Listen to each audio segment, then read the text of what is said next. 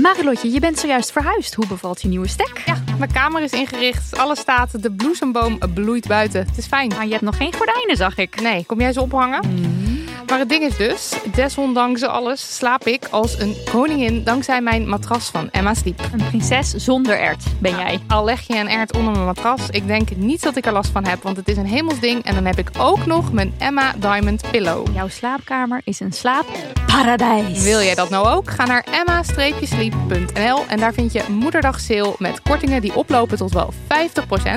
En met de code DAMNHONEY aan elkaar eh, komt daar nog eens 10% extra korting bovenop.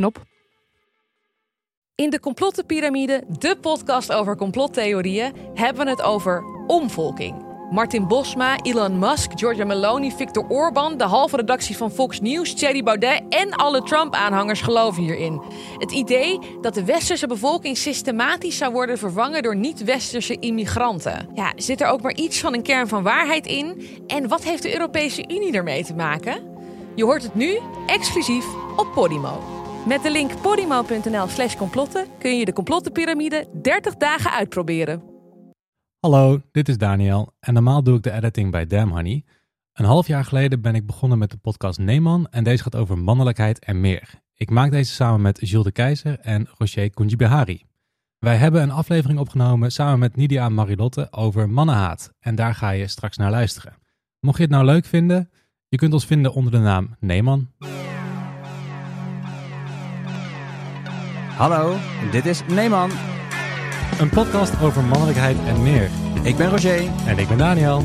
en vandaag gaan we het hebben over mannenhaat. Yes! En daarvoor hebben wij twee hele bijzondere gasten in de aflevering vandaag. Twee keiharde feministen die de wereld succesvol veroveren met hun podcast, hun pamfletten Damn Honey, Yes Baby en Queer Baby. Het feministisch handboek Heb je nou een vriend? En hun seksbundel Damn Horny, een verzameling van verschillende seksverhalen. En verder kun je ze kennen omdat ze gewoon algeheel leuk en hot zijn. Gast nummer 1 is Nidia van Voorthuizen. Staat ook wel bekend als de vleesgeworden cancel culture. En als je niet oppast, rent ze je achter je aan en cancelt ze je de moeder. Ze is podcast queen, want naast Damn Honey heeft ze ook een eigen hardlooppodcast. Nog even over de marathon. Maar ze is vooral bekend als mijn vriendin. En stiekem ben ik Vooral. ook vooral bekend. en ik eh, ben een beetje gespannen dat jij hier bent. Oh, Ja. nou ik cancel niet alleen jou de moeder, cancel ook je moeder. Pas maar op. ja, Ja. en nu? Jij bent. Ja. Ja, ik ben. Oh ja, nou. ja, joh, jongens. het is, Gast- het is spannend hè, het om is allemaal ervaren het- po- podcastjes Ja, in je, ik voel je me echt gewoon een beetje, het is gewoon een beetje sterallures die ik voel. Oh. Of nee, niet ik voel, Eh, die... ehm, Hoe hoe heet dat? ik Nee, heb jij bent idee. starstruck. Ik ben dat- starstruck, dat is Ja, hem. ja. Nee, jij, jij Rocher, we gaan het even van jou Ja, uitleggen. jij bent starstruck. Ja. Wij hebben sterrenallures. Nee, Ja. dat klopt. Ja, dat klopt. Oké. Gast nummer twee is Marilotte Hagen. Actief bij de identiteitspolitie. Bekend van de knallers Ave Maria en Boer er ligt een kip in het water. En host van de podcast Damn Honey. En ze is natuurlijk ook mijn collega bij de supergeheime Alphabet Mafia. Ook wel bekend als de LHBTIQIA gemeenschap. Ja, ik ben de L. Ja, jij bent zeker de L. ja. Proud of it. En ik ben de H. Maar kun je wat... wa- hoe, hoe, Wij hoe, vroegen ons af, identiteitspolitie, hoe, waarom? Hoe word je daar actief bij? Wat, Ja. wat betekent het? Ja, ik heb gewoon een keer een formuliertje ingevuld. En toen was ik lid. Ja, ik weet Wel ook een niet. flinke contributie die je moet Ja, dat is, het is wel duur. Dus ik weet niet zeker of ik volgend jaar er nog bij ga. Ja, begrijpelijk. Ja. Liep jouw gender op rolletjes? Roger, wil jij beginnen? Eh, afgelopen week liep mijn gender niet helemaal op rolletjes. eh, want ik heb me erop betrapt. Op iets waar ik zelf ik een enorme hekel aan heb bij andere mannen. En dat is namelijk voorheen, voordat corona kwam, ging ik nog naar de sportschool. Tegenwoordig sport ik gewoon in mijn huis. En die, eh, als je dan heel zwaar ging gewicht, eh, gaan gewicht heffen. En dat ze dan vervolgens, weet je wel, die, die barbells en al die gewichten op de grond smijten. En dan heel hard "Urgh" schreeuwen van kijk mij, ik ben heel zwaar, ik kan heel veel dingen. En ik betrapte kan heel veel dingen optillen. Ja, precies. Ja. En ik betrapte mezelf afgelopen week op dat ik tijdens het deadliften thuis dat ook deed. En toen... Maar is het In je niet, eentje. in mijn, ja, in mijn eentje. Ah, Zo. kijk maar. hé. Ja. maar is het niet ook een soort release? Want eh, onze uitgever Meerte Spiteri, die zit hoog in de CrossFit scene. En die zie ik ook altijd zo'n gewicht neergooien, omdat het gewoon de oefening is. Ja, en het geluid En- maken als Uh, één- ja. ik doe één crunch en ik zit al. Dus ja, Ja. op zich. Ja, nee, dat, dat is ook wel zo. Maar het is meer, ik vind het extra irritant als ik dat van die hele stoere, Ja. tussen aanhalingstekens, toxic, toxic masculine men dat zie doen. En dat ik dan mezelf denk, dan denk ik echt, Hou op. Get the, get the fuck out of Toen was je here. het zelf. Ja, precies, toen was ik het zelf. Dus Een beetje ik, eh, indruk maken op Charlie. Ja. De hond. Ja, mijn hond inderdaad. Want eh, ja. Die moet wel ook- weten wie de baas is in huis. Precies, precies. Het is voor mij ook echt een reden om niet naar de sportschool te gaan. Dat soort dingen zien. Ik voel me echt heel erg word heel bewust van mezelf dan. Dat Ja. zelf dat niet zou kunnen. Ik vind het ook doodeng. Het is ook een reden voor mij om niet naar de sportschool te gaan. Daarom ga ik. Nog een reden. Nog een reden, een andere reden. Nee, nee, nee, ik ga wel binnenkort naar de sportschool. Maar een vrouwensportschool. Want ik heb geen zin in die Nee. toxische Oh ja. Snap ik, Ja. snap ik. Ik had, merkte dat ook altijd toen ik nog ging sporten. En iedereen... Hé, hey, maar in Rotterdam heb je de queer, queer gym. Ja. Klopt, klopt. Moet ik nog steeds een keertje bij langs gaan Ja. en dergelijke. Maar ja, ik ben ook gewoon lui in mijn hoofd en zo. En dan is het heel Lijkt makkelijk om gaan echt een thuis. warm bad. Ja, ja, ja, zeker. Echt de dingen die ik erover gehoord heb en die ik erover gelezen heb. En het ziet er echt fantastisch uit. Dus ik wil sowieso nog een keertje gaan. Leuk. Nou, dan hou ons op de toxische hoogte. mannelijkheid de kop in gedrukt. Precies. Ja. Precies. Daniel. Liep jouw agenda een beetje op Ja, neem, het even over. ja. Ehm, ja, ik heb een. eh, ik, heb een eh, ik, ik werd me ook heel bewust van mezelf eh, met, eh, met voetbal deze week. Ehm, het Nederlands elftal speelde. En ik heb dus tijdens corona heb ik gewoon bijna geen voetbal gekeken. En daardoor, ja, weet ik ook gewoon niet zo heel meer, veel meer van voetbal. Dus ik herkende ook de helft van de spelers niet die in het veld stonden en zo. En ik merkte echt dat ik hele domme dingen aan het zeggen was tijdens de wedstrijd. Ik was aan het kijken met een vriend. En ik merkte dat ik echt een soort van bewust werd van mijn eigen mannelijkheid. Die soort van langzaam aan het afbrokkelen was. Want Oh, ik, ik heb dus wel echt dat ik gewoon best wel voetbal met mannelijkheid associeer. Mhm.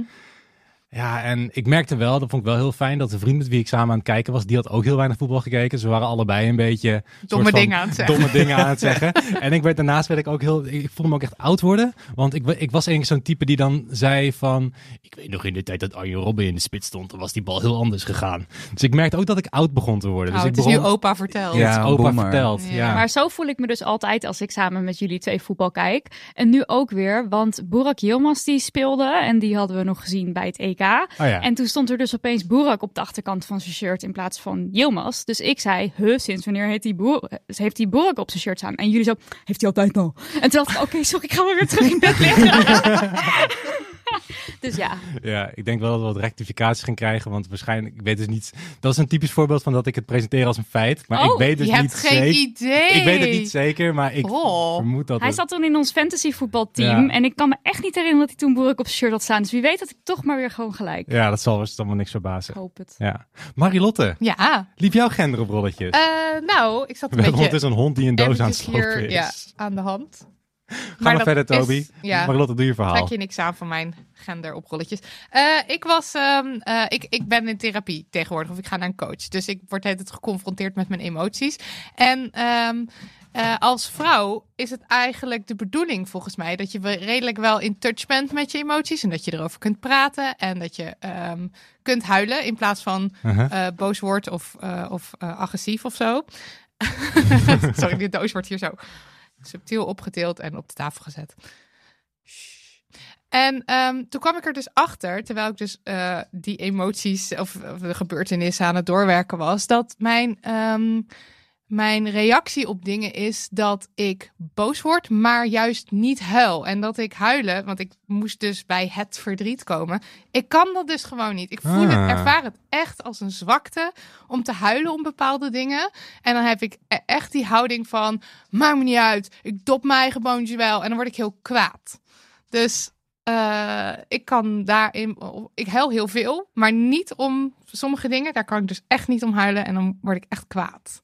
Dus ik vond het wel opvallend dat dat, voor, dat zou ik dan soort van meer mannelijk vinden. Dat je dan niet in touch bent met je emoties. Maar mag ik er wat over vragen? Ja, zeker. Want is het juist niet zo dat het juist, tenminste, ik heb altijd het idee gehad dat man, maar tenminste dat hij inderdaad toegeschreven wordt aan dat mannen boosheid en dat vrouwen voornamelijk altijd maar huilen omdat er geen ruimte is voor boosheid, maar Mhm. dat in feite jou, dat je toch, toch een bepaalde genderpatroon doorbreekt door juist boos te zijn en niet te huilen als vrouw. Oh ja, ja dat, ging, dat is ook zo. Ja. Maar ik ging gewoon heel erg uit van die stereotype Oh ja, ja, ja, ja. beelden Ja. van wat mannen en vrouwen zijn. Ik dacht, oh, dit is dan echt iets wat ik anders doe. Blijkbaar dan een soort van dat stereotype beeld van wat een vrouw doet, namelijk huilen. Ja. Want ik word gewoon kwaad. En ik zit zo van, hm, Ja. zit woest, woest zo bij de zit ik bij die psycholoog. coach. Ja. Ja. bij de coach, sorry. Ja. Nidia. Nidia. Ja, nou, eh, maar traditioneel gezien loopt mijn gender vandaag hartstikke op rolletjes. Want ehm, het is altijd zo dat als wij, als wij 's ochtends de hond uitlaten, dat Daniel en Toby iets eerder weggaan en dat ik nog even thuis ben. Ofwel omdat ik nog even moet poepen.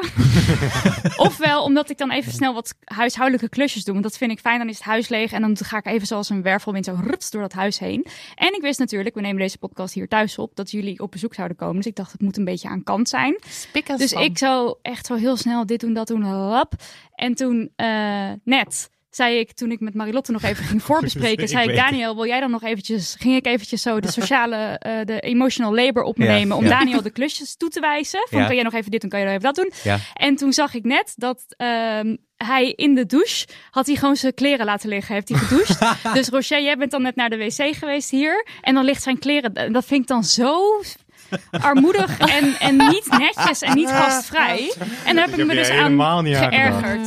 Dus mijn, traditioneel gezien loopt mijn eh, vrouw zijn hartstikke op rolletjes. Lekker bezig, Nidia. Oh, ja, nee, maar ik... ik, ik Oh ik- ja, ook zoiets. Jij hebt dus geen drankjes net aangeboden aan Jawel, ik vroeg of mensen thee wilden. Ik heb het water gekookt. Oh, oké. Maar het was niet echt ook Ik daadwerkelijk heb neergezet. uiteindelijk de Ja. Uiteindelijk. en de theetjes gehaald Ja, hoor. dat, dat is Deze waar. vrouw, Ja. dit vrouw. Maar je bent je Ik kind aan huis. Ja, dat is waar. Ja, dat is dan wel... Maar nog steeds het vrouwtje. Ja. Nee, maar ik dacht dat je ging zeggen, want je vroeg aan mij of ik de schoenen wilde opruimen. Oh ja, dat taakje En- had ik jou toegewezen. Ja, ja, en daarover zei ik van, ik kijk wel. En dat heb je toen wel gedaan. En ik heb het wel gedaan. en nu ik dacht gaan we dat dat daarvoor eventjes applaudisseren. Maar ik zag net wel een sandaal midden in de gang liggen. Nou, daar ga je al. Ik denk Ja. dat Toby dat, eh, Dat zou We nemen Ja, al het ja. applaus terug. Ja. Geen applaus. Vertel me meer, vertel me meer. Vertel me meer, vertel me meer. Vandaag gaan we het hebben over mannenhaat. Want is er een reden om mannen te haten? En waarom zou je mannen haten? En is het oké voor mannen om mannen te haten? Zijn mannen hate-worthy? Aanleiding hiervoor is het boek Mannen ik haat ze van Pauline Harmanche. En hierin schrijft ze over mannenhaat of misandrie. En daarmee bedoelt ze een negatief gevoel tegenover het gehele mannelijke geslacht. Maar even duidelijk maken, het gaat hier over cisgender mannen of cisgender mannen. Dat is een ongoing discussie die we hier hebben. Gender versus gender. Gender. Eh, cisgender mannen. Ehm, dus mensen die het mannelijk geslacht toegewezen hebben gekregen bij hun geboorte en hier helemaal oké mee zijn. Eh, het gaat dan om het gedrag dat deze cisgender mannen vertonen. En heeft ook te maken met hun privileges. Straks hier meer over, maar eerst, Nidia Marilot. Hebben jullie een negatief gevoel tegenover het hele mannelijke geslacht? Ja. Waarom? Eh, nou ja, waarom? Daar gaan we denk ik zo... Nou, in- trouwens, dit is wel echt precies, precies waar het om Precies gaat. waar Dat je, jij- waarom je mannen haat. Nee, dat, dat het meestal is het zo, dan zeg je, eh, ik haat mannen. En dan vragen mensen echt niet waarom. Dan is het meer een soort van, je mag mannen niet haten, je mag haten slecht. blablabla. Oh, ja. En dan schiet iedereen zo in de verdediging. Er wordt juist niet gevraagd waarom. Terwijl er zijn heel veel redenen, waar we straks denk ik ook nog wel induiken. Maar dan heb je het over, weet ik veel, eh femicide, seksueel geweld. Op het moment dat je zeg maar, en zeker als je dus een feministisch platform hebt en je bent de hele tijd bezig met feminisme en je Echt leest erover, uit, zeg maar. dan is er, eh, weet je wel, weer een DM met, eh, oh, ik heb dit meegemaakt en ik ben lastiggevallen. Of iemand eh, heeft me iets aangedaan, een man. Eh jij wil Ja, wat de- zeggen? nou, deze week is gewoon een heel goed voorbeeld. Er Ja. stond deze week Ja. het volgende in de krant. Een vrouw was verkracht en zij heeft toen van de politie gehoord... je had ook wel een kort rokje aan. Ah, ja. Word je boos van. Er is Ja. deze week een vrouw vermoord door haar ex. Hebben jullie, wisten jullie dat? Nee, dat wist ik niet. Nee, want. Het, het eerste wel. het gaat, het gaat langs tweede je... niet. Ja, het eerste en tweede dus niet. Omdat Nee. het ook een soort van... Dat verdwijnt dan weer. Ja. We Klopt. kregen een video toegestuurd van een meisje die naar huis loopt, of een vrouw die naar huis loopt, en die door een vent eh, de hele tijd aangesproken wordt, zo langzaam naast haar rijdend in de auto van stap dan in, je bent toch een leuk meisje. Uh, Ja.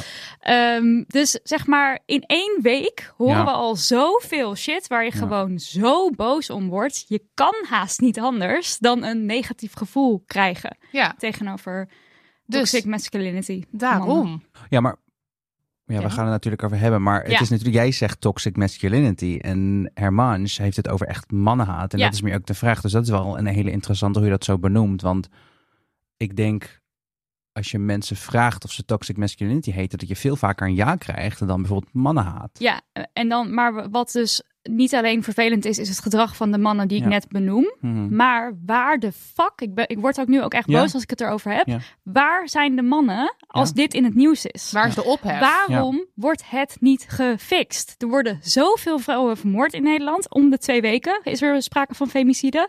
Ja. Verkrachting, victim blaming. Er is een tekort bij de politie om dit op te pakken. Waarom de fuck wordt het niet meteen opgelost? En En, je- dit is mijn frustratie. Dat eigenlijk heel veel mannen zoiets hebben van... Oeh, wel erg. Maar daar houdt het ook wel bij op. Ja, Als ze het al erg vinden. en je merkt ook wel bijvoorbeeld, oké, wij posten erover. Bijvoorbeeld eh, oh, eh, dat filmpje van, eh, van dat meisje wat werd nageroepen op straat s'nachts.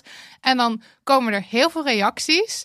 Maar ons platform, waar we bij uitstek dus dit soort dingen aan de kaak stellen, wordt voornamelijk gevolgd door vrouwen. Mhm. Het is echt 5% man en de rest is vrouw of ja, misschien non-binair. En, eh, maar overwegend vrouwen. Dus dan heb je, de, waar, waar Ja. zijn de mannen hier? Waarom Ja. nemen ze het niet serieuzer? Hoezo Ja. wordt het niet Mhm. gewoon Waar is ontmanteld? Want zij zijn ook degene met alle privileges. Zij zijn Ja. degene die hun vrienden, weet ik veel, aan moeten spreken en daar iets over moeten zeggen. Maar het is toch altijd een beetje van, ja, wel erg, maar ik doe dit niet. Of Ja, zo. als ze dus het al erg vinden. Want Ja. het is ook heel vaak, ja, het hoort er ook een beetje bij. En je moet ook niet in je eentje over straat lopen. En je had ook niet een kort rokje aan moeten doen.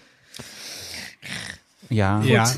Ja. Daar komt onze, onze frustratie vandaan. En of je het dan mannenhaat wil noemen, dat is dan een tweede. Ik, ja, la- laat ik het gewoon nu meteen maar zeggen. Want anders ga ik de hele tijd van, misschien gaan we het daar zo meteen over hebben. Eh, maar wat Paulien uh, Armange ook heel erg zegt, is zeg maar, door dat te erkennen, deze woede en boosheid, Mhm. eh, kan je loslaten dat je mannen altijd nodig hebt in je leven. Dat je mag pas bestaan in relatie tot een man. Dat je goedkeuring van een man nog, nodig hebt. Dat je complimenten nodig hebt van een man. En kan je dus ook meer waardering gaan zien in de vrouwen om je heen. En dat Mhm. niet zien als een minderwaardige vriendschap. Want we hebben het over make-up. Ik noem maar wat. Hè. Wordt ook Mhm. als minderwaardig gezien. Maar vrouwelijkheid en zusterschap compleet mogen omarmen en serieus nemen. Elkaar Ja. serieus nemen. Ja, want dat is ook wel.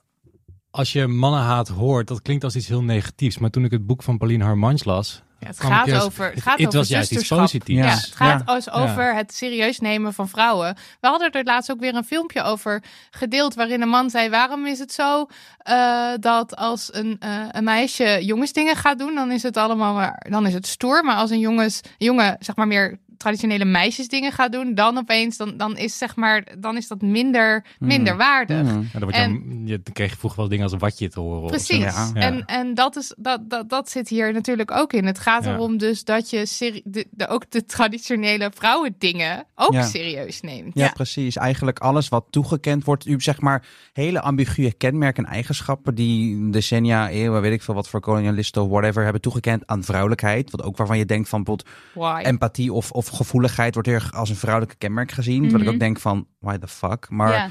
dat soort dingen. Maar inderdaad, alles wat gerelateerd is aan vrouw zijn of vrouwelijkheid wordt als minder waardig gezien. Precies, ja. En het ding is dus dat dat zijn we zat. Ja. Ja. Daar, Ja. En daar gaat het boek over. Nee, Ja. was er, en ik moet nu ook heel erg denken aan ehm, eh, de, eh, de documentaire De Stad Was Van Ons, waarin ook Mhm. zo in de jaren zeventig, zo duidelijk, waarin een van die, van die feministen. uitleggen wat het is. Oh ja, documentaire. het is Ja, een ja. documentaire over, eh, het, eh, over de feministische eh, Tweede Golf. En eh, een van de feministen die daarin heel erg actief was. Ehm, ik ben haar naam vergeten, maakt niet uit. Die zei ook van ja, dan, dan ben je er als, als eh, een vrouw alleen is niks. En een vrouw met z'n twee, ja, dat is eigenlijk ook niks. Je bestaat eigenlijk alleen maar bij de gratie van de man. En Ja. eigenlijk is dat nu nog steeds zo. Want Ja. ik kan me ook nog heel erg herinneren dat ik vroeger zo was van als ik er maar knap uitzie en als, Ja. een, als een man me maar eh, aantrekkelijk vindt, of dat je ervan overtuigd bent, ik dan, dat je nooit liefde gaat vinden en dat nooit iemand jou aantrekkelijk vindt. En dat ging altijd heel erg over, over Mannen. mannen. En als een je beste vriendin jou zegt, je ziet er, eh, je ziet er hartstikke hot uit, je bent een lekker wijf, dat neem je dan niet aan. Want Ja. dat is ook maar een vrouw. Ja. Dus het is een beetje dat sentiment waar we tegen, waar we boos over zijn. Ja. En wat je net, net had je het over als jullie zo'n post plaatsen, dat jullie platform wordt voornamelijk gevolgd door vrouwen en mannen doen er eigenlijk niet zo heel veel mee. Maar wat ik ook heb, wat ik ook begreep vanuit het boek van Harmanch is volgens mij dat mannenhaat een manier is om vrouwen te verbinden, denk Ja. ik. Als, en, Ja. Maar dat je ook verandering kan doen los van mannen. Dus dat je mannen daar Ja, eigenlijk niet voor nodig Ja. hebt. Ja, want wat je natuurlijk altijd hoort als het over mannenhaat gaat, is we hebben toch mannen nodig. Ja. En eh, haat is toch niet eh, constructief en haat is niet goed en haat is niet oké. Maar dat hoorde ik trouwens, sorry, dat hoorde ik wel een beetje terugkomen in wat je net zei over je post. Dat je, om dat te veranderen, dat daar eventueel wel mannen voor nodig zijn die ook op zich uitspreken. Natuurlijk maar ze zou doen het niet. Ja, natuurlijk Ja. zou dat fijn zijn. Maar mensen zeggen dus, oh, maar nu jij zegt dat je mannenhater bent, nu wil ik niks meer met feminisme Ja. te maken hebben. Oh ja. Alsof Ja. je daarvoor ook maar ooit enige aandacht hebt gegeven aan het onderwerp. Ja. Want het gebeurt ons altijd dat als we zeggen, ik run een feministisch platform. Oh, de vrouwen in Afghanistan, daar zou je je over moeten uitspreken. Hier in Nederland zijn we er toch al lang. Het is altijd pas Ja. iets erg vinden Ja. als wij zeggen, wij vinden dit gedeelte erg. Dus eh, wij zijn bezig met feminisme. Oh, maar de zelfdodingscijfers onder mannen dan?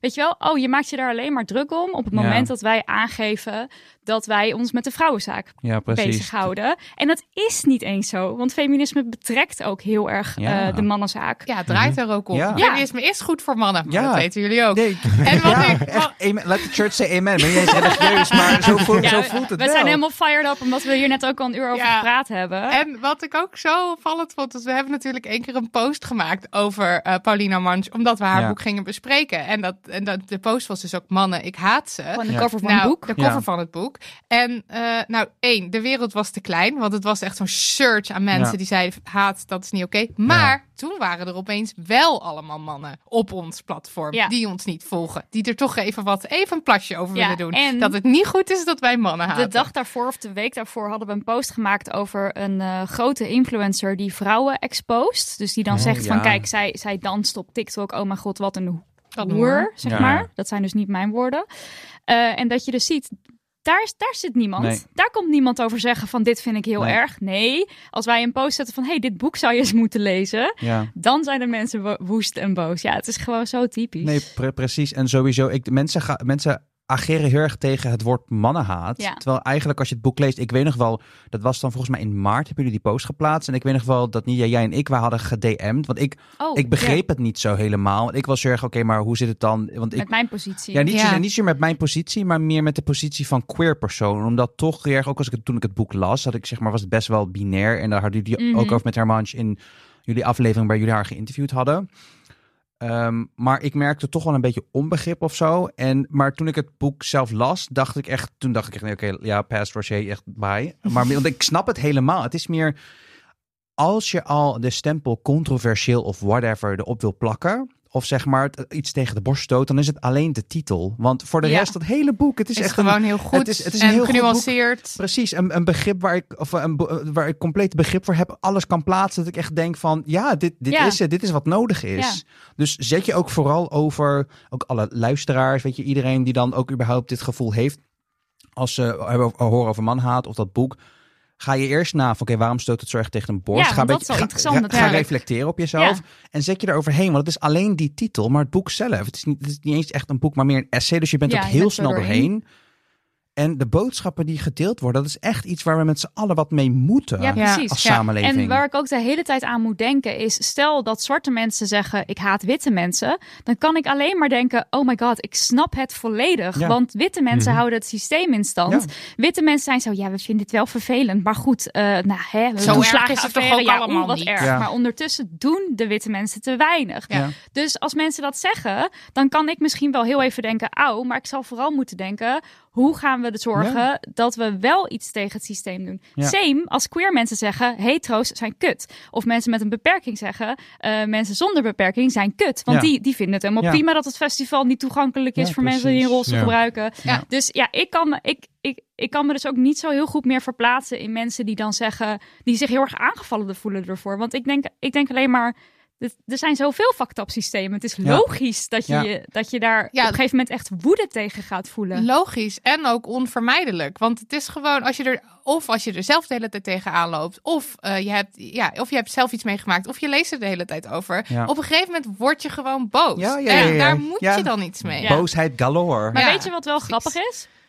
Dat ik dus veel liever over eh mannenhaat of de afkeer tegen mannen, dus hoe je het maar wil noemen, praat met bijvoorbeeld Marilotte of met eh, vrouwen, Ja. dan dat ik het met mannen doe of nu zoals in een podcast in het openbaar. Ja. Want met vrouwen onderling die, die, die, of tenminste met feministen onderling, laat ik het dan misschien zo zeggen, vrouwelijke femi- die snappen een soort van wat je bedoelt. En Ja. je hoeft niet meteen uit te gaan leggen, nee, maar sommige mannen vind ik wel, eh, ja, precies. eh, nee, maar, nee, maar. Ik heb je, ook gewoon een de- partner. dat die- je de hele ja. tijd moet gaan lopen nuanceren, not Ja. all Ja. men, dat je de hele tijd jezelf moet gaan uitleggen, dat is, dat is frustrerend. Dus zo'n gesprek, kijk, ik, ik voer dit gesprek nu met liefde ook Ja. om mensen dit te laten horen, maar Ja. eigenlijk is het voor mij niet een comfortabele, fijne positie, want ik ga Begrijpelijk. hier nou weer aangevallen worden Ja, omdat ik dit zeg, snap je? Je stuurt je maar door naar mij. Nee, nee, nee, het, is- Nee, het is maar- helemaal fijn, maar Nee, maar ja, ik, ik snap heel erg wat je bedoelt. Dus maar dat is met alle onderwerpen zo. Zeg maar, of tenminste, de onderwerpen die je net aanhaalde. Hetzelfde als zeg maar, als mensen van kleur, weet je, die heb je, die voel, je, je voelt gewoon die verbinding met mensen die op je lijken, die dezelfde marginalisatie ervaren. ja. En Ja, want als mens van kleur ga je natuurlijk ook niet heel erg chill in een groep van allemaal witte mensen zeggen ik haat witte mensen. Nee. Want dan krijg je natuurlijk ook gelijk. oh, Waarom? Ja. Ja. Ja. Wat, wat, ik moet ook. ehm, ik, ik denk dat ik het heel goed. Als vanuit mijn kant denk ik dat ik heel goed snap wat je bedoelt. Want ik merkte ook bij het lezen van dit boek. En ook als we dit gesprek hebben. Dat ik altijd ergens in mijn achterhoofd bezig ben met een soort van. Alles wat jullie zeggen. En ook alles wat in het boek staat. Is dat ook op mij toepasbaar. ja. Dus ik lees het heel erg vanuit de man. Ja, vanuit En hoe is dit op mij? Wat? Ja, Precies. Ja. hoe doe En ik het? hoe- En Ja. oh, bij doe de ik dit, het wel goed? Ja. Oh, dit doe ik goed. Ja. Maar hier doe ik het misschien niet goed. Dit kan ik misschien verbeteren. Maar het is. Ja, ik weet niet. Het is zo. Je wil graag echt- de goede zijn. Je wil, nou, je wil een goed, maar je wil ook. Het, zeg maar, het is ook gewoon heel moeilijk om het. Ik zou nooit kunnen begrijpen hoe het is voor vrouwen. Ja. En elke keer als ik dat boek lees, ik kan het proberen te begrijpen, maar uiteindelijk lees ik het altijd nog vanuit mij en ik blijf het op mezelf spiegelen. ja. Dus ik denk dat ik denk dat ik wel snap wat je. Ja, ja. En als ik dan even eerlijk ben, ik tenminste zelf denk ik in zeg maar in theorie dat er per se misschien niet zo super erg mis is met spiegelen of reflecteren of een soort maatstaf gebruiken, maar houd het vooral voor je, denk ik bij mezelf dan. Ga niet vrouwen lastigvallen door te zeggen, oh kijk, oh kijk, volgens Paulien doe ik dit wel goed en dat Ja, niet, precies. want dat moet je natuurlijk niet hebben. Of bevestiging gaan vragen Pre- in je feminisme. Precies, als je dingen Ja. tegenkomt in het boek, of tenminste dat ik, ik kwam ook dingen tegen, dat ik denk, oké, oké, gotta do better. Dat is gewoon het eerste, Zeker. dat is het enige en het eerste, vind ik, de reactie die je kan hebben als je wil gaan reflecteren. En ook,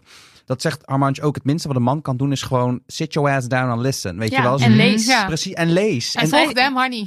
ja, zij- Luister, zij, Damn Honey. zij zegt ook van eigenlijk bijna elke man die ik ken die zich, die zich uitspreekt hierover, die heeft vrouwen achter zich die hem eh, Exactly. dingen leren en die Ja. dingen op een blaadje aanreiken. En laten we wel wezen, Daniel, toen ik dit boek las, zei ik: Oh mijn god, je moet het echt lezen. Heb je het gelezen? Nee. En dat is precies waar Armandje ook. Ja. Ja, nu. Nu. Ja. Maar daar gaat het om. Dat is Zeker. precies wat Ja. Armandje ook zegt. Hè? Ja. Van ik kan dit in mijn vriend, Nee. ik kan het in de handen van mijn vriend duwen, maar hij weigert zichzelf daarin Ja. te, Ik- eh, Ja. daarover te lezen. ik, ik heb precies zo'n ervaring gehad. ehm, wat ik dan even dan nu wil delen. En dat is meer zeg maar inderdaad waarbij ik gewoon erg be- bewust werd van dat ik allemaal de vrouw achter me heb staan. Want op 8 maart, Internationale Vrouwendag, had ik een post op social media geplaatst waarin ik me richtte op mannen en eh, hun rol en hun privileges. En dat ik een oproep deed over hoe we het beter moeten doen en we beter moeten zijn. Wat betreft gendergelijkheid en eigenlijk alle punten die Herman ook benoemt. En Mhm. überhaupt het hele concept van vrouw haten wat mannen vrouwen allemaal aandoen.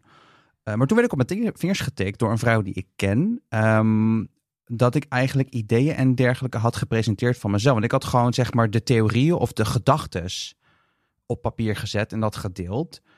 En gedachtes die ik door andere vrouwen en feministen geleerd heb. Hmm. En dus ze had er dus helemaal gelijk in. Zo van, dus ze zei echt zo... Ja, maar wat je, wat, je, wat je nu aan het doen bent, je bent nu dingen en ideeën aan het delen die andere feministen jou geleerd hebben, zonder ze daar credits voor te Mm, geven. ja. Dus toen, eh, ik, ik dacht zo, ze heeft gewoon helemaal gelijk. Dus ik heb meteen die post aangepast. Ik heb haar bedankt voordat ze de moeite nam en de emotional labor om me daarop te wijzen. En dat was voor mij ook weer een moment dat ik denk van, oké, gotta do better, weet je wel. Dus ook niet te dicht bij ehm, de... ehm, eh, eh, te, te lang bij stilstaan of bevestiging zoeken. Oké, ze heeft dit gezegd. Ze heeft helemaal een punt. En nu moet ik het me beter gaan doen. We moeten wel even de deur open doen. Ja. Ging de bel? Ja. Oh.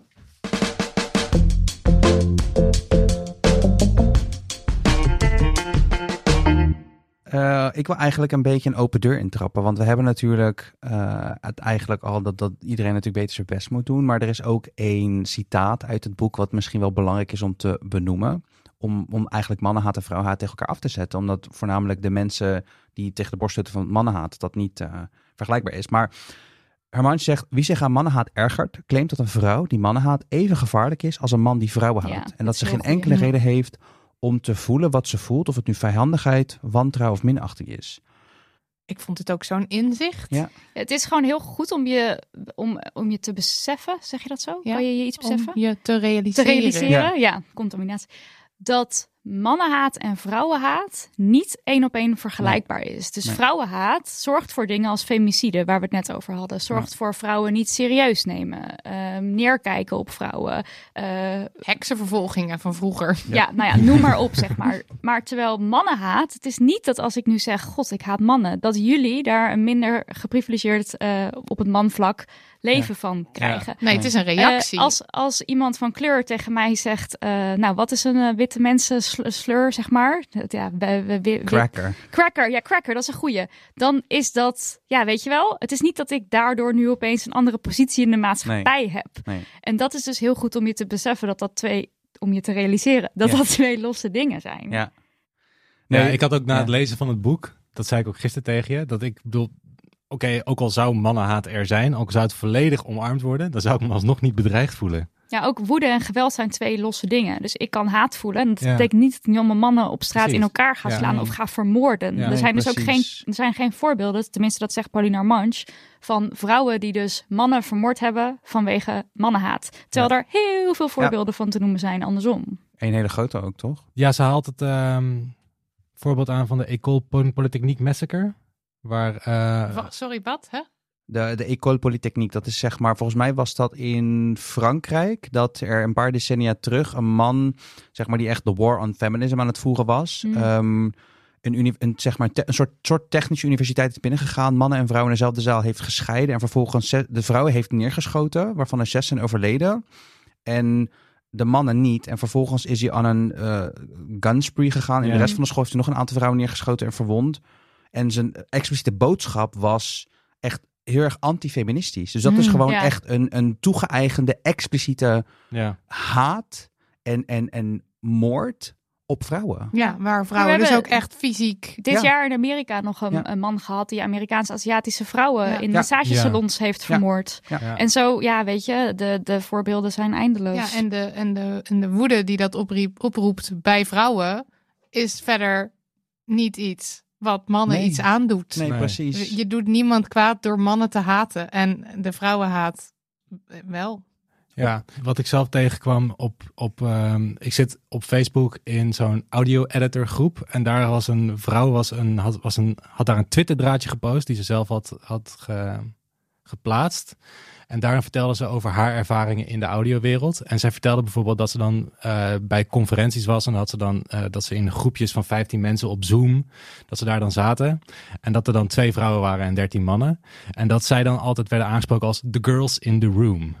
En dat soort dingen. De, denigrerend. Dus heel denigrerend. En dat, dat, dat, dat die vrouwenhaat is volgens mij ook daarin te vinden. Dus we Ja. hebben het nu over Ja, hele maar ik word extreme bijna weer pissig van zo'n voorbeeld wat je dan geeft. Want ik denk, ja, hoeveel voorbeelden moeten we nog geven? Ja. Weet je wel, oh ja, ik las nog een Twitter-draadje waarin een vrouw, ja... eh, ja, het is- Ja, nee, maar het- simpel, hè? om te herkennen. Maar en Ja, ja, maar herkennen. Het is, ook, Ja. het is ook goed, maar het is dus een soort, bijna een soort frustratie van Ja. hoeveel voorbeelden moet je nog Ja, geven ja, ja, voordat ja. duidelijk Ja. is hoe, hoe Ja. alomtegenwoordig het Ja, is. Maar ik denk ook wel dat je misschien bij vrouwenhaat dus wel denkt aan die, aan Ja, die aan die vreselijke voorbeelden Precies, die jullie noemen. Maar het is, het is inderdaad die, het is een spectrum. Dus zo'n glijdende schaal van vrouwen neerzetten als minderwaardig. En dus de, bijvoorbeeld waardoor dingen als een loonkloof en zo ont- ontstaan. En dat je dus ook daar echt wel negatieve gevolgen van ondervindt. Tot aan echt vermoord en verkracht worden. Ja. En het is allemaal onderdeel Ja, en van hetzelfde. op, Ja. neerkijken op make-up of Ja. neerkijken op... Ja, gewoon Ja. alles. Ja. Dus het gewoon is- alle vrouwen dingen waarop neergekeken wordt. Het, het is zeg maar een heel erg een escalerende ding. Begin, begin het met vrouw onvriendelijke grapjes tot aan moord. Dat is zeg maar eh, qua theorie de piramide van haat.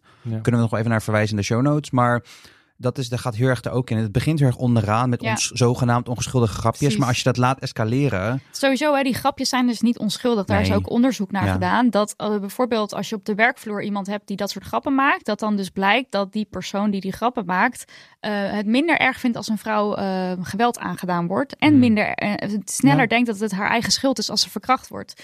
Dat hangt allemaal samen. Ja, en klopt. op het moment dat een collega die grap maakt en de andere collega's zijn allemaal een beetje zo, haha, hihi, wat een leuke grap. Dan Ja. laat je ook eigenlijk zien van dit wordt geaccepteerd in de omgeving. En nou, dat Ja, maar ik denk oh dat bijna wee elke je- vrouw hier wel een voorbeeld van kent. Van Ja. oh, dat er zo'n grap gemaakt wordt en dat je dan maar ongemakkelijk meelacht op je werk. Want je kan Ja. niet anders. En dat Nee. dus is de mannen hun mond Nee. ook houden. Nee, precies. want Je, maar wat je zegt, Marlo, je kan ook niet anders. Nee. Want op het moment dat je je uitspreekt, maak je jezelf weer een doelwit. Want en je dan, bent een humorloze bitch die Precies. nergens te- tegen Ja. kan. Precies. Maar het is ook wel echt wel oh wee als je zeg maar wat jij net uit, wat jij Nidia net uitlegt over eh, eh, dat het samenhangt en eh, dat, dat dat je dan er minder gevoelig voor wordt en dat je het minder erg vindt. Als je dat zeg maar ook maar als je dat ook maar noemt in, eh, in samenhang met bijvoorbeeld verkrachting of met vermoorden, dan Ja. is echt de wereld te klein. Want Ja. je kan natuurlijk niet een seks- seksistische grap verbinden aan eh, zulke vreselijke dingen. Terwijl het wel degelijk samenhangt Ja. op een manier. En wat goed is om te zeggen trouwens, is dat vrouwen natuurlijk ook hier aan meedoen. Hè? Je hebt ook vrouwen die seksistische grappen maken Ja. of die eh, heel denigerend over andere vrouwen praten. Zelf heb ik dat ook heel lang gedaan. Dus neerkijken op vrouwen die bijvoorbeeld Mhm. heel erg met make-up bezig zijn. Ehm, maar dat is eigenlijk logisch. Want het is veel makkelijker om in een patriarchaal systeem Ja. En die kant, ja, Ja. om die kant te kiezen. Want Ja. je komt veel verder als je Ja. lekker meegaat erin. Dus lekker Mhm. die vrouwen afzeiken. Eh, nou, ik eh, doe het lekker gewoon eh, goed hoor. eh, met de Ik ben mannen one of mee. the boys, Ja. one of Ja. the guys. Ja, En ik heb nergens last van Ja. gehad. Dus dat bestaat Ja. allemaal niet waar jullie het over hebben. Ja, het is een Ja. heel logische manier om eh, jezelf te redden Ja, en- in zo'n wereld. En tegelijkertijd misschien ook wel een kwestie van indoctrinatie en internalisatie. Want Tuurlijk, we zien ja, want je moet er ook bewust van overal. Zeg maar, het worden echt met de papfles... niet- Papfles, ja, inderdaad. de De papfles. Ja, ik- hoe zeg De je dat? waterlepel. Oh, de paplepel. Ja, ik ben zo slecht in spreekwoorden. Maar in ieder geval met de paplepel ingegoten. Ja. Eh, aan alle kanten. Aan Ja. alle kanten. Ja, precies. En het is dan ook nog zo dat, want ja, oké, als vrouw en je gaat daarin mee en dat is makkelijker en het is veiliger. Maar je kan er ook echt niks. Je, jij bent niet degene die de macht heeft om er iets aan te veranderen. Dat zijn Ja. de mannen met hun privileges. Die kunnen er echt iets aan doen. Ja. Wij kunnen Ja. alleen maar de hele tijd roepen: hallo, dit gebeurt ons. dit Ja, is niet oké, precies. dit is niet Ja. oké. dit is niet- Nee, precies. En welke rol is dan weggelegd voor mannen? Want wij hadden het ook over gehad in het, in- toen we hier voor deze aflevering. ehm, dat wij niet helemaal goed begrijpen welke rol mannen, welke rol Pauline Harmans dan toeschrijft aan mannen binnen het feminisme. Is er een rol voor mannen binnen het feminisme? Ja, luisteren, zegt ze. Ze Hm. zegt in Ja. mijn bondgenoten, dat zijn de mensen die oprecht luisteren naar wat er aan de hand is. En Ja. vervolgens ook opkomen voor die dingen. Maar niet de mensen die zich eh, als feminist profileren, maar ondertussen eigenlijk misschien wel helemaal niet zo heel erg het werk doen wat daarbij Ja. komt kijken. Ja. Dus bijvoorbeeld je uitspreken over iets. Dus je zit in een, eh, eh, een vriendengroepje in de Mhm. WhatsApp en er wordt een seksistisch plaatje, een meme of zo doorgestuurd en dat je dan niks zegt. Ja. Ja. Guilty. En dat is dan een soort van light Ja. voorbeeld natuurlijk. Ja. Ehm, Ja, je, je, je, je hoeft niet je, de illusie te hebben dat jij als individu het hele systeem gaat Nee. veranderen. Maar als heel veel individuen zich uitspreken en luisteren en al die dingen serieus nemen, dan, ga, dan gaat er sowieso dan gaat er iets Dan veranderen. verandert er iets. En Maar- ook natuurlijk in opvoeding Ja. zit er ook heel veel. Dus hoe voed je je kinderen op? Het wel, het is wel wat ik zelf wel heb ervaren, is dat het wel grappig is dat je volgens mij als man, als je uitspreekt als feminist, anders wordt gewaardeerd dan wanneer je vrouw bent en feminist. Want ik heb zelf bijvoorbeeld dat ik dan heel veel lof krijg omdat ik meega naar een demonstratie, terwijl ik daar gewoon ja, alleen daar, maar sta. daar voelt Ja, Pauline daar voelt zij ook. heel veel Ja, heel dat erg snap ik heel goed. Of zegt- dat ik hier aan het afwassen was en dan kwamen een keer mensen hier podcast opnemen Oh, en ze zeggen van zo, een man die aan het afwassen is. Nou, ja, dit is allemaal ook kut natuurlijk. Dat is helemaal kut. Maar Dit is allemaal zij, kut. Ja, zij zegt ook, eh, ik ben wel geneigd om een vrouw te geloven die zegt, nou, mijn vriend is feminist. En ik ben eh, eigenlijk een Ja. man die zichzelf als feminist uitspreekt. Daar sta ik per definitie heel argwanend tegenover. Ja, Want dat kan ook een soort performative, Ja, eh, Zeker, soort ja. toneelstukje zijn. ja begrijpelijk. Heel begrijpelijk. Ja, heel begrijpelijk. Hebben jullie, hebben jullie een soort van pre-post mannenhaat moment, een soort era? Dus Nou, na- dit boek heeft dit wel boek echt heeft- iets ja. losgemaakt bij mij. Want wij, dat is heel grappig, in ons boek Heb je nou al een vriend? Hebben we 50 shit-opmerkingen verzameld die je als vrouw kan krijgen. En hoe je daarop kan reageren. En één daarvan is, haten jullie dan ook mannen? Dus je bent feminist, haten jullie dan ook mannen? ja. Nou, dan hebben we een soort sketch geschreven met een hele dikke vette knipoog van eh, natuurlijk haat ik mannen en ik steek mijn middelvinger op naar alle mannen die ik tegenkom en eh, oh, Kom eh, ze met de job. We zijn precies. nu eenmaal feminist, dus, dus, je, moet mannen wel. haten. En dan eindigen we met nee natuurlijk, het is niet eh, jongens tegen de meisjes en eh, eh, joehoe, we love iedereen, Mm. zeg maar, zo eindigen we. Mhm. En Pauline Armange die schrijft hier ook over, over precies deze vorm die feministen kiezen. Altijd met een Mhm. soort dikke knipoog, want je mag het Mhm. nooit echt zeggen. Ja. En dat zij dat zo letterlijk opschreef, daar herkende ik me zo in. Want ik ben heel erg opgevoed met je mag niet haten. Haten is echt het allerergste. Je mag niet zeggen ik haat jou. Dat is gewoon niet oké. Je mag eigenlijk ook geen woede voelen als meisje. Dus ik ben ook iemand die sneller gaat huilen dan echt boos goed kan worden. Ik ben nou op aan het oefen- oefenen. Ehm, dus als je dat dan allemaal leest en dat je als je leest van oh, maar je kan er wel degelijk, je mag dat wel gewoon, je mag dat ervaren, je mag dat voelen, je kan het ook uitspreken als je wil, dan kan je daar wel heel powerful van eh, raken. Dus sinds ik het las, Ja, Ja. ik vind het boek ook een soort. Het, ja, het heeft me op een bepaalde manier een soort toestemming gegeven of zo. Ja. Want ik had al, ik had al de mannenhaat een beetje. Ik was al de hele tijd met mijn ogen aan het rollen als er weer een soort, eh, ja, een- ja, nou ja, een, een cisgender, gender, hetero man dingen aan het zeggen was. Maar het maakt niet uit dan of het iets, eh, of het steek hield of niet. Ik zat gewoon de hele tijd met mijn ogen te rollen. En dan, daar zit, daar zat dan toch al een soort emotie. En nu opeens is dit boek er. Ja. Eh, en dan dacht nu, nu kan ik het meer, ja, ik kan het gewoon meer ownen, want het is er gewoon. En I love it. het mag er zijn. Ja. Dat is het ook. Ja, en ook, dat denk ik wel interessant is, is dat ehm, haat wordt altijd als iets negatiefs gezien. En zij maakt het eigenlijk tot iets heel constructiefs. Ja, als iets heel bevrijdends. Heel juist. bevrijdends, Omdat juist. je dus gewoon echt eh, voor jezelf kan toegeven. eh, mijn leven zonder mannen is, ook, is juist ook heel compleet. Het- Ik heb Mm. geen mannen nodig. Geen ik hoef me- goedkeuring ja, nodig van precies. mannen. Ja. Eh, ik, ik, ik kan me ook gewoon, ik kan mijn hele leven inrichten zonder dat ik, eh, dat ik iets met mannen hoef. Eh, en dat is ook een heel vol leven. En dat is wel gewoon heel Mhm. Blij. Nou, toen werd ik lesbisch. Ga verder. Ja. en toen was mijn hele leven mannenvrij. Alleen vandaag. Die moet je even. Ja, Ik, voel, ik voel me honored to be in the presence of en dat ik hier mag zijn. precies. Ja. De andere wat ik wel interessant vond uit het, eh, uit het boek is dat eh, op een gegeven moment schrijft ze een heel stuk over eh, middelmatigheid. Mhm. Dat, dat, dat, dat is, volgens mij is het ja, is echt een reden om mannen te haten. Mannen die komen gewoon weg met middelmatigheid. Mhm. Ja, en vrouwen maar die ook- moeten, ja, het, het leven wat ze, wat ze weten te creëren is best chill. Als je dus weet dat vrouwen in Nederland anderhalf keer meer onbetaald zorgwerk op zich nemen. Ja. Dat betekent dus dat mannen dat dus veel minder doen. Nou, dat is toch heerlijk als je dat voor elkaar kan krijgen. Dat je denkt, nou ja, zij doet dat toch even lekker Dat je als allemaal. middelmatige vent Ja, gewoon Ja. een beetje op je reet kunt zitten. En Ja. het wordt allemaal wel gedaan voor Echt je. de nerve. En dan is het natuurlijk altijd, ja, maar we zoeken de beste.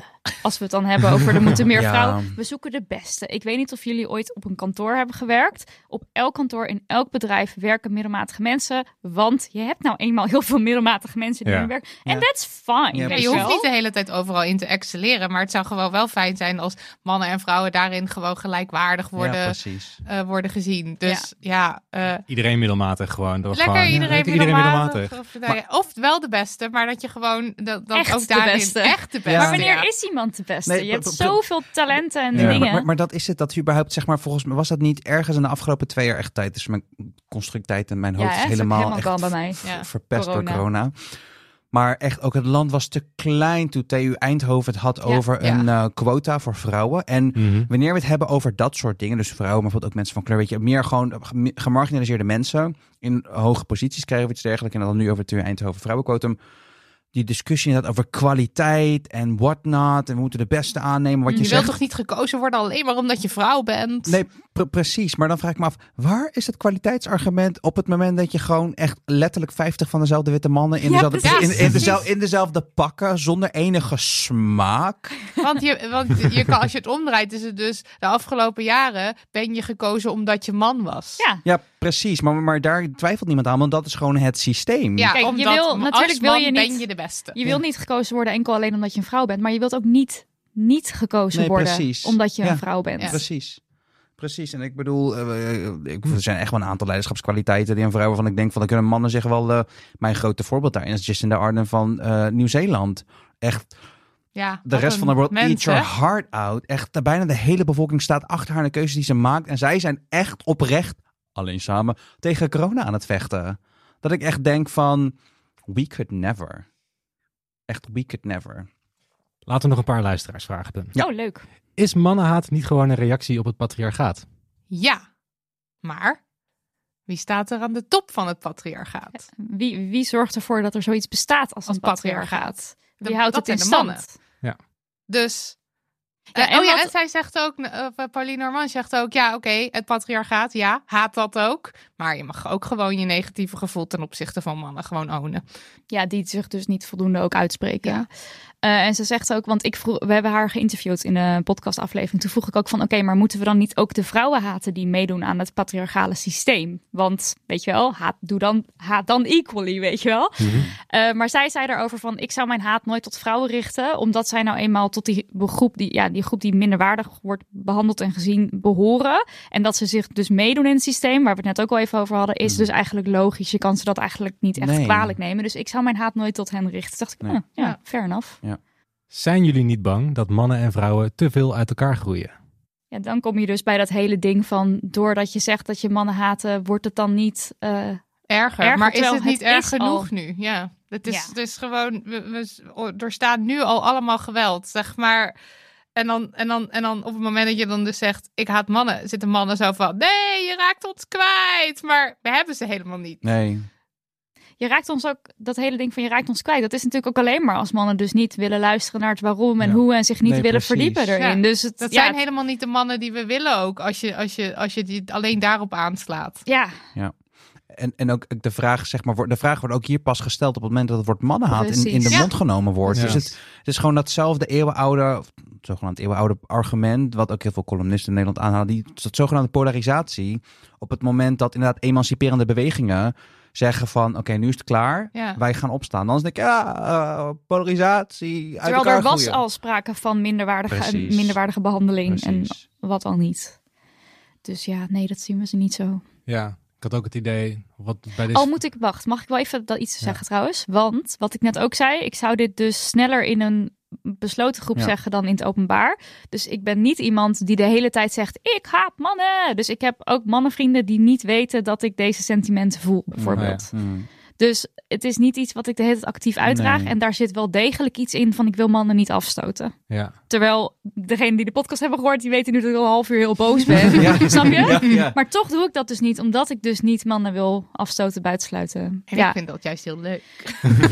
Ja, maar ik, kan me, ik, ik wil niet van je invloeden, maar ik kan me ook wel voorstellen dat het misschien een, ook een kwestie van overleving is. Want ik bedoel, als je echt Nou, geout wordt ja. overal mannenhaat, want je had het net al over de haat die dan wellicht over je heen krijgt. ja, dan moet je het weer gaan uitleggen. Nee, maar precies, maar, maar ook er komt gewoon een, een bak stront over je heen, een negativiteit van allemaal anonieme mensen op het internet met een mening. weet ja, je maar wel. niet alleen anonieme mensen, ook Gewoon je je vrienden. vrienden, ja. Oh, Want ja. je vrienden die zeggen ook, moet je je niet druk maken over de vrouwen in Afghanistan. Dat is echt niet alleen maar, dat is echt niet alleen maar anonieme trollen. jij? Nou ja, Nou, niet zozeer welke vrienden, maar meer echt, maar meer echt zo maar van mijn, mijn vrienden nerve. zijn niet allemaal uit de feministische kringen, zeg maar. Er zitten ook gewoon hele normale mensen Ja. bij. ja, ja, die ook nooit een boek van mij zullen lezen. Ook al zijn ze vrienden van me. Ja. Snap je? Ja, Ja. ik snap het. Of naar een podcast luisteren. Ook heel veel vrienden die het wel doen. Daarom is het dus eigenlijk ook Hoi een Jesse, besloten hoi groepje. Levi. Ja. Leuk dat jullie luisteren. Ja. Jullie. schatten, I love you. oké, nog de laatste vraag. Zullen we de laatste... eh, Ja, is goed. Wil jij die doen? En dat is meer, ja, tenminste ook wel naar jullie, maar ik denk ondanks allemaal, alle luisteraars. Is het oké om als man mannenhaat te voelen voor andere mannen of zelfs voor jezelf? En dan is hij ook nog naar ons gesteld van, voelen jullie dat, voelen jullie dat ook wel eens, Daniel Ja. en Roger? Ja, laten we beginnen bij jullie. Is Of het, dat oké is? is het oké voor mannen om, Om als mannen man mannenhaat te voelen? Ik heb er dus niet zoveel mee. Ik weet dat Pauline Armange heel erg is van... ik vind dat mannen zich geen feminist... Nou, ik, ben helemaal, ik heb daar helemaal geen gevoel... Ja, als jij dat wil, ik denk juist dat het kan helpen in de strijd. En als jij jezelf een mannen... Ja, hoe, wie Is ben het- ik om te zeggen... jij mag niet mannen? Ik vind het heel raar dat dat... Maar is het niet een beetje als eh, soort van, eh, als je het hebt over het racisme, wat als white tears? Dat je dan soort van ga- ga- je negatief gaat voelen, zoals, zoals witte mensen zich dan zo misschien negatief gaan voelen over, over wit zijn of daar, daar Oh, of dat witte mensen als ze aangesproken worden... als ze aangesproken worden en dan allemaal moeilijke gevoelens bij hebben. Eh, dat, dat dat mannenhaat een soort van, oh, ik word nu aangesproken en ik ga, of is dat het niet? Nee, de vraag is meer zeg maar, hoe, hoe- wat is jullie visie op dat mannen mannenhaat hebben? Ja, dat ze dus echt zichzelf, of eigenlijk, ja, nee, eh, oké, ja, hm, ik heb Nou, er als ik weinig... het vergelijk met... Ik snap dat, eh, dat mensen van kleur witte mensen haten. En ergens kan ik ook die haat wel... Ja, een soort light Ja. version daarvan ook wel zelf voelen. Ja. Dat als je een denkt, frustratie witte mensen. vanuit het fucking systeem. Ja. Ja. Dus dan denk ik, ja, dat kan. Ja, ik denk, ik denk het ook. Maar ik als wit mens draag alsnog hartstikke, zit nog steeds in dat systeem. Dus ik kan wel Ja. die emoties hebben, maar tegelijkertijd slaan die ook op mezelf. En ben ik ook niet altijd voldoende, Nee. of, of vrijwel nooit voldoende bezig hiermee, of, eh, of hard genoeg. En maak Mhm. ik ook fouten en doe ik ook dingen die juist profiteren van het systeem. Dus ja, je kan, je kan witte mensen, even om het om mezelf dan, witte mensen kan ik haten, maar niet ook tegelijkertijd ben ik onderdeel ervan. En ik denk dat het eigenlijk vooral bela- belangrijk is dat je, stel je voelt als man mannenhaat, dat je niet gaat lopen roepen, ik haat mannen, ik voel mannenhaat. Want dan is het dus meer een soort van ding. Ja, Ja. want Ja. je zit er al, je zit er alsnog in, je hebt alsnog je privileges en je bent niet de hele Ja. tijd bezig met tegen het systeem te schoppen en je privileges te ontmantelen en zo. Want je moet ook gewoon leven. En dat is ook helemaal oké. En dat is oké. Ik denk dat het oké is als, om als man mannenhaat te voelen. Omdat ik denk dat als je met andere mannen in gesprek gaat en je, je zegt dat je mannen haat, dat het best wel een, dat het best wel een gesprek kan openen. Oh ja. Omdat ik dus denk dat, dat, dat, dat natuurlijk weer het stomme is. Dat ik denk dat mannen eerder naar mannen luisteren. Hmm. Hm, dat en is dat ook je dus, als je dat dus op die manier wel gewoon actief zegt, dat je Ja. daardoor wel gewoon kunt praten over bijvoorbeeld het sociale gedrag van. Maar van dan mannen. vind ik het ook niet performative, zeg maar. Want dan doe je het dus in een groep met mannen waar het misschien echt Ja. wel een soort controversiële eh, Mhm. ding is. En Ja. dan open je dus het gesprek en ga je dat ook uitleggen. Eh, dus da- ja, dan, dan denk ik dat het wel weer heel nuttig kan Ja. zijn ook. Mhm. Maar ook voor jezelf, als je, als je jezelf zo noemt, ik denk dat je ook heel goed op die manier, als je dat in je achterhoofd houdt, je eigen gedrag kan analyseren. Ja. En Ja. daarop kunt. Ja, ik heb ook gewoon weer heel veel dingen van mijn eigen gedrag uit dit boek dat ik dacht van, hmm, gotta do better. Well. Ja, dus ik denk, ja, Die kleren liggen daar nog steeds, hè? Nee, die heb ik opgeruimd. Wanneer? nou ja, opgeruimd. Ze lagen op de badkamervloer. Ik heb ze verplaatst Oh, naar een plek waar ze nee. niet in jullie oogveld eh, liggen. sorry. Do better. Ja, do better. Ja. Nee, maar ik denk ehm, dat dat. Maar ja, ik denk dat gewoon. Ik had ook nog even gesproken met degene die deze vraag ingestuurd had. Het probleem zit hem bij deze persoon voornamelijk in dat haat zoiets negatiefs heeft. En ik denk gewoon dat je het echt moet zien als iets wat de vrijheid geeft om dat gesprek te openen, ook met anderen. Ja, maar ook, Ja. je hoeft het niet te voelen.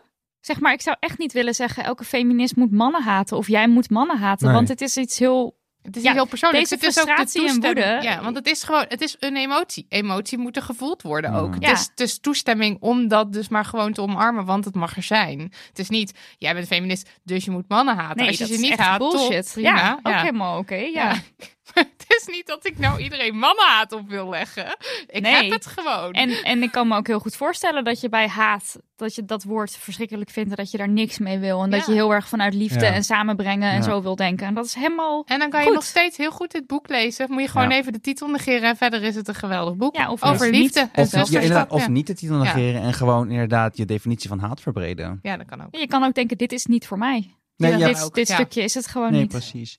Wat ik, wat ik wel zelf, voor, voor mezelf, zeg maar, mannenhaat, ik wetende wat ik nu ga zeggen, maar alsnog zelf als man aan het centraliseren ben in, deze, in dit gesprek. Maar het het is maar meer... het gaat ik- uiteindelijk over ons. Ja. ik, ik raakte soms een beetje in de war. En ook zeg maar met deze vraag. Omdat ik een man ben die op mannen val. Ja.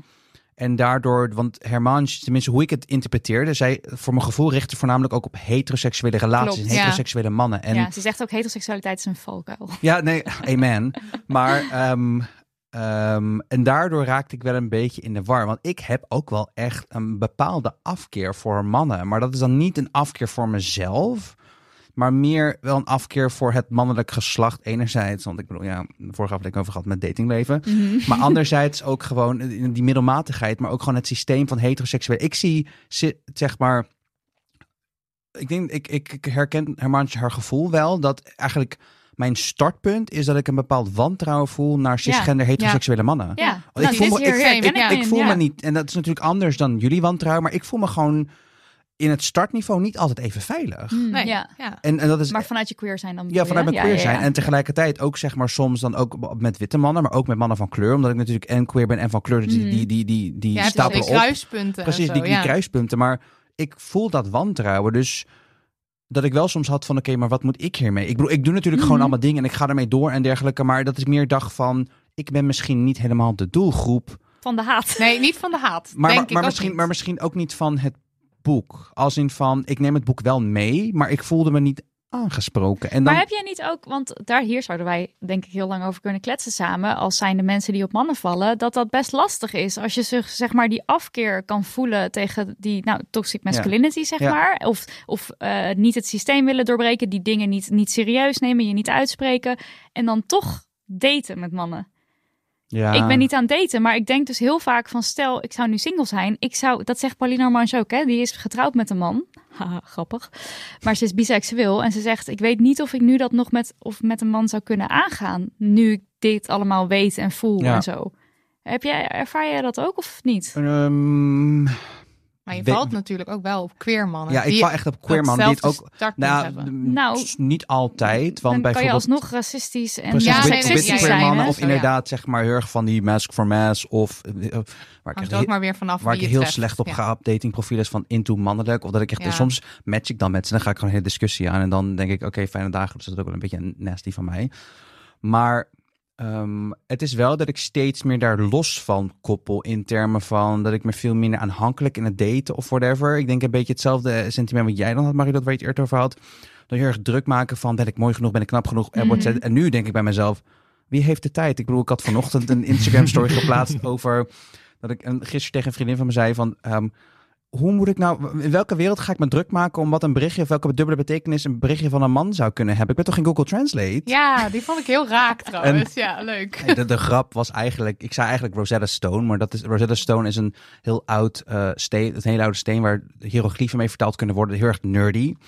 Dus ik denk dat mensen dat niet gesnapt hadden, maar zo sta ik er heel erg, yes, Nidia. Ik niet hoor. Ik zit hier gewoon blanco te kijken. Geen idee. Maar ik vond hem nog steeds sterk. Ehm, en zo zit ik wel steeds meer, omdat je ook, ik ben ook steeds meer gaan daten en daardoor zeg maar veel breder dat ik echt denk van, er- heel veel mannen zijn inderdaad ook gewoon mediocre. Ja. ja. En emotioneel niet altijd even. Oh mijn god, echt die, ontwikkeld. die, die amount of emotional, ik bedoel het savior-complex, dat ik mezelf heb los moeten koppelen, ook echt niet normaal. Want ik bedoel, heel veel vrouwen hebben dat volgens mij ook, dat ze heel erg snel in die emotioneel, dat zeg maar dat ze, dat zij mannen gaan emotioneel ontwikkelen en een ja, dat beetje zij een soort... gaan veranderen. Precies. Ook, ja. het is ook wel in vriendschappen met mannen heb ik ook best wel vaak gehad dat ze je toch als een soort therapeut gaan zien Ja. op een gegeven moment.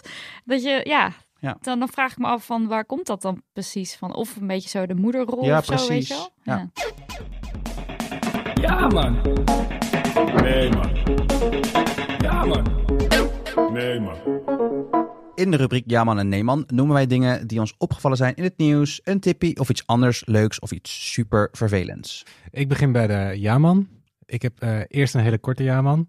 Ehm ABBA Yay. krijgt een nieuw album. Komt uit op 5 november. Zijn sinds decennia weer samen. Ik ben echt super excited. Happy New Year! Ik heb er Happy zoveel zin in. Ik heb vooral een hele blije vriendin die helemaal over Wij de gaan- moon Wij gelukkig is. samen naar een concert toe gaan. Oh ja, Dus dat wordt wacht. heel leuk. Oké, Ja. nou enig. Nou, dan gaan wij lekker... eh, Iets anders. Ja, Ja. ik ga ook wel, ik doe ook wel mee, dan, want echt I can't be bothered. Oké, jij mag ook mee. Oké, andere Jaman. Op 17 september verschijnt het nieuwe seizoen van Sex Education. Een serie die gaat over de seksuele ontwikkeling van tieners op een middelbare school. Had je gezien dat eh Armange eh, Sex Education tipt in haar tiplijst? Ik heb niet in de tiplijst gekomen. Nou, kijk, nou, zo, Nou. zo, eh, zo Nou, leuk is die serie. Dan is het wel echt een hele Jonge, goede- sterke vrouwen over- veroveren het scherm, zegt ze. En ondertussen leren de jongens te communiceren en oprecht te zijn tegenover zichzelf en anderen. Nou, ik ben klaar met mijn Jaman. Nee, grapje. Nee, ik heb eh, echt gesmuld van de eerste twee seizoenen. En ik, heb, ik kon me vooral herkennen. Ik wou dat ik het zelf gezien heb, want ik kon me echt herkennen in echt al die ongemakkelijke erecties de hele tijd. Die Oh, dat je het heeft. gezien had nu of te vroeger? De, de eerdere Vroeger. seizoenen Kleine- die ik heb Die gezien. kleine Ja, ik wou dat ik vroeger die Ja. eerdere seizoenen had kunnen allemaal, zien. Dan had ja. ik gewoon veel beter mijn eigen erecties gesnapt. Die heet het, zeg maar, als ik aan het fietsen was. Oh, door de schat, wrijving, sorry, dat er dan weer dingen vervelend als gebeuren ik en denk zo. aan, aan 30-jarige Daniel die de hele tijd erectie ja, als tiener. was heel leuk. Maar ik wou dat ik, ja, ik had het, eh, het was leuk geweest om ook meer ja, mensen, meer erover oh, te zien. is helemaal Ja. goed doorlieperd. Ja. Dankjewel. Ehm, oh ja, en luister ook even de aflevering van de Vierkante Oogshow met jullie Ja, joh. over We doen een podcast tour. Maar dan hebben we hem dus even het, eh, het, eh, het laatste seizoen even samengevat, een soort recap erover. Wat wel lekker is als je er eventjes uit bent. Ik was dat alles luisteren. vergeten. Ik was ook alles vergeten. Dus luister daarnaar. Ben je weer helemaal bij? Kan je door. Leuk. Rocher. Yes, mijn neeman van de week Oh, jullie is... doen eerst de ja-man, dan de nee-man Ja. trouwens. Sorry. Ja, het is niet, staat niet vast hoor. Het zal- dus je eindigt even lekker negatief. Ja, Ja, een nee. negative note. Nee, want we eindigen altijd met onze leuke Oh ja. goed naar de rest. Maar nee, mijn eh neeman van eh, deze week is eh eh Sigrid Kaag. Had op volgens mij maandagavond iets met Elsevier Weekblad, whatever. Had ze een bepaalde speech en dan heeft ze gewoon echt een aantal keer flink uitgehaald naar Rutte. Dat ik echt denk van, yes, get her Jade. Ehm, dat, is, dat is een quote van Drag Race, RuPaul's Drag Race. En de dag erna, echt de wereld was weer te klein. Want mevrouw had dan weer uitgehaald naar Rutte. En het was niet constructief. En jada, jada, jada, jada. En dat ik echt denk van, waar is die? I, I want that same energy voor Rutte die al tien jaar het land verkloot. Maar dan, dan weer niet. Hè? Dus op het moment dat zij zich dan op de pro- Vrouw. Ja. als vrouw inderdaad als op de progressieve toren gaat staan. En gewoon uithaalt naar Rutte. Had wel eerder gemogen. Ik bedoel meteen met die motie van wantrouwen. Back in, weet ik veel. De nacht van Rutte. Ja, precies. Ehm, maar hoe, de, hoe, me- hoe mensen daar dan weer mee omgaan, dat ik echt denk van, ah, normaal, echt, nee man. Ja. Nee, man. Ja, nee man. Ja, Ja. man. Nee, man. Dit was aflevering 2 van seizoen 2 van Neeman. Nidia Marilot, dank dat jullie er waren. Graag gedaan. Leuk. heel bedankt. leuk, Ja. ja. Leuk. Emancipator, dank voor de prettige samenwerking. Erg leuk. Ik haat niet echt mannen, hè? Dat is, eh, Ik wel, ik wel, ik, Ik wel. haat niet ik mannen. wel. Ik, Ik vind haat jullie hartstikke leuk. eh. Anna Mars. Leuk hè, thanks als voor iemand je inbreekt in controlerende je oog. En redigeerwerk. Lucas de Gier. Lucas, de Ook Gier. verbonden aan deze Lucas, podcast. terug hier. Thanks voor de jingles. Lucas. En ook dank de aan Gier. jullie trouwens, Nidia Marilot, voor het samenbrengen van ons allemaal. Vet leuk, zonder jullie zouden we elkaar niet kennen. En niet time. Vond je dit leuk? Laat een recensie achter op iTunes. Tien En geef sterren. Vijf sterren, tien sterren. Zoveel Twaalf. sterren als je wil. Schreeuw het van de daken. Helemaal goed en eh, dag hoor. Dag. Dan nu tijd voor de chocoladekoekjes die Rocher mee heeft genomen voor ons. Dag. Kussens, bedden, matrassen, beddengoed. Emma Sleep heeft het allemaal. Ga naar emma-sleep.nl om van jouw slaapkamer een slaapparadijs te maken. Er is nu moederdag sale gaande met kortingen die oplopen tot wel 50%. Gebruik de code DAMHONEY voor nog eens 10% korting daarbovenop.